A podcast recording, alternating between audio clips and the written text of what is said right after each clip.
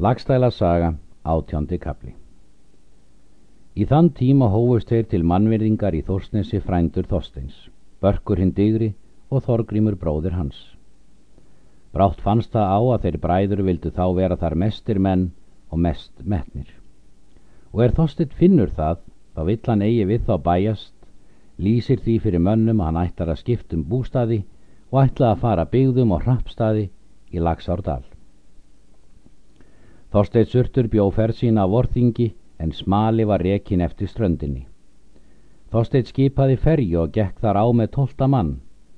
Var þar þórarinn á, máur hans og ósk Þorsteinsdóttir og Hildur hétt hennar dóttir er enn fór með þeim og var hún þrevetur. Þorstein tók útsýning kvassan.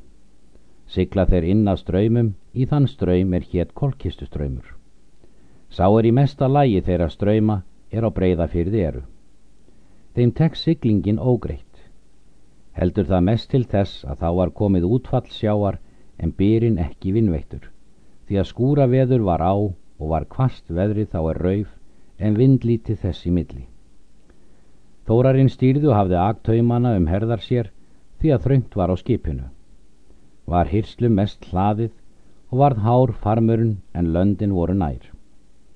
Gekk skipi lítið því að ströymurinn gerist óður að móti.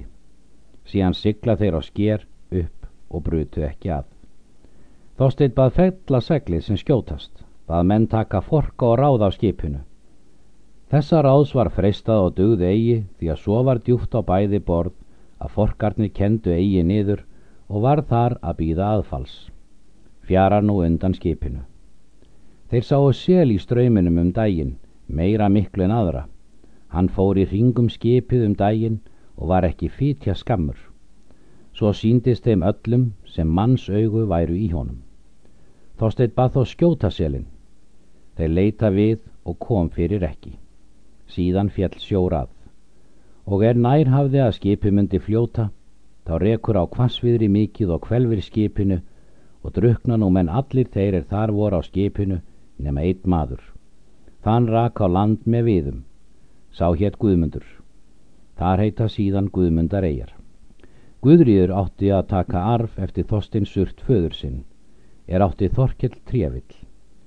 Þessis tíðindi spyrjast víða, druknum Þorstein Surts og þeirra manna er þar höfðu látist. Þorkell sendir þegar orð þessu manni, Guðmundi, er þar hafðu á land komið, og er hann kemur á fund Þorkells, þá slær Þorkell við hann kaupa á laun að hann skildi svo greina frásögnum líflát manna sem hann segði fyrir. Því játti Guðmundur. Heimtir nú Þorkill af honum frásögnum atbyrð þennan svo að margir menn voru hjá. Þá segir Guðmundur svo hvað Þorstein hafa fyrst druknað, þá þórarinn má hans.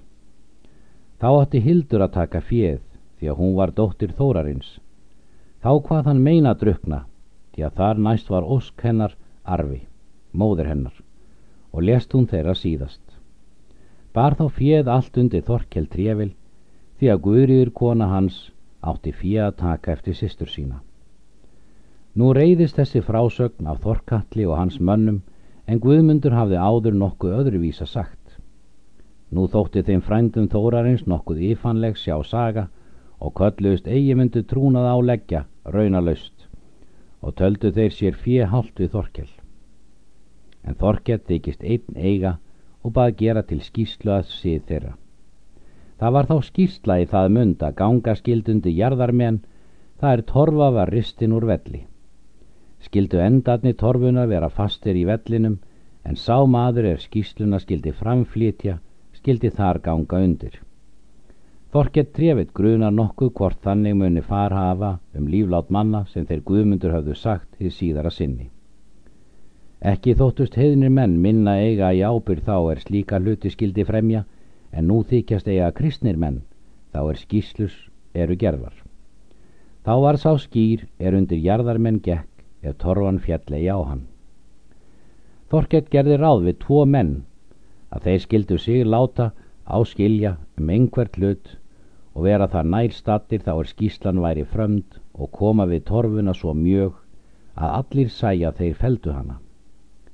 Eftir þetta ræður sá til er skýsluna skild af höndum inna og jafnskjótt sem hann var komin undir jarðarmenið hlaupast þessir menn að mót með vopnum sem til þess voru settir mætast þeir hjá torfubugnum og liggja þar fallnir og fellur ofan jarðarmenið sem von var. Síðan hlaupa menn í millum þeirra og skilja þá. Var það auðvelt því að þeir börðust með engum háska Þorkett trefið leitaði orðróms um skísluna mæltu nú allir hans menn að velmöndu hlýtt hafa ef yngir hefðu spilt síðan tók Þorkett lausa fyrir allt en löndin leggjast upp á hrafstöðum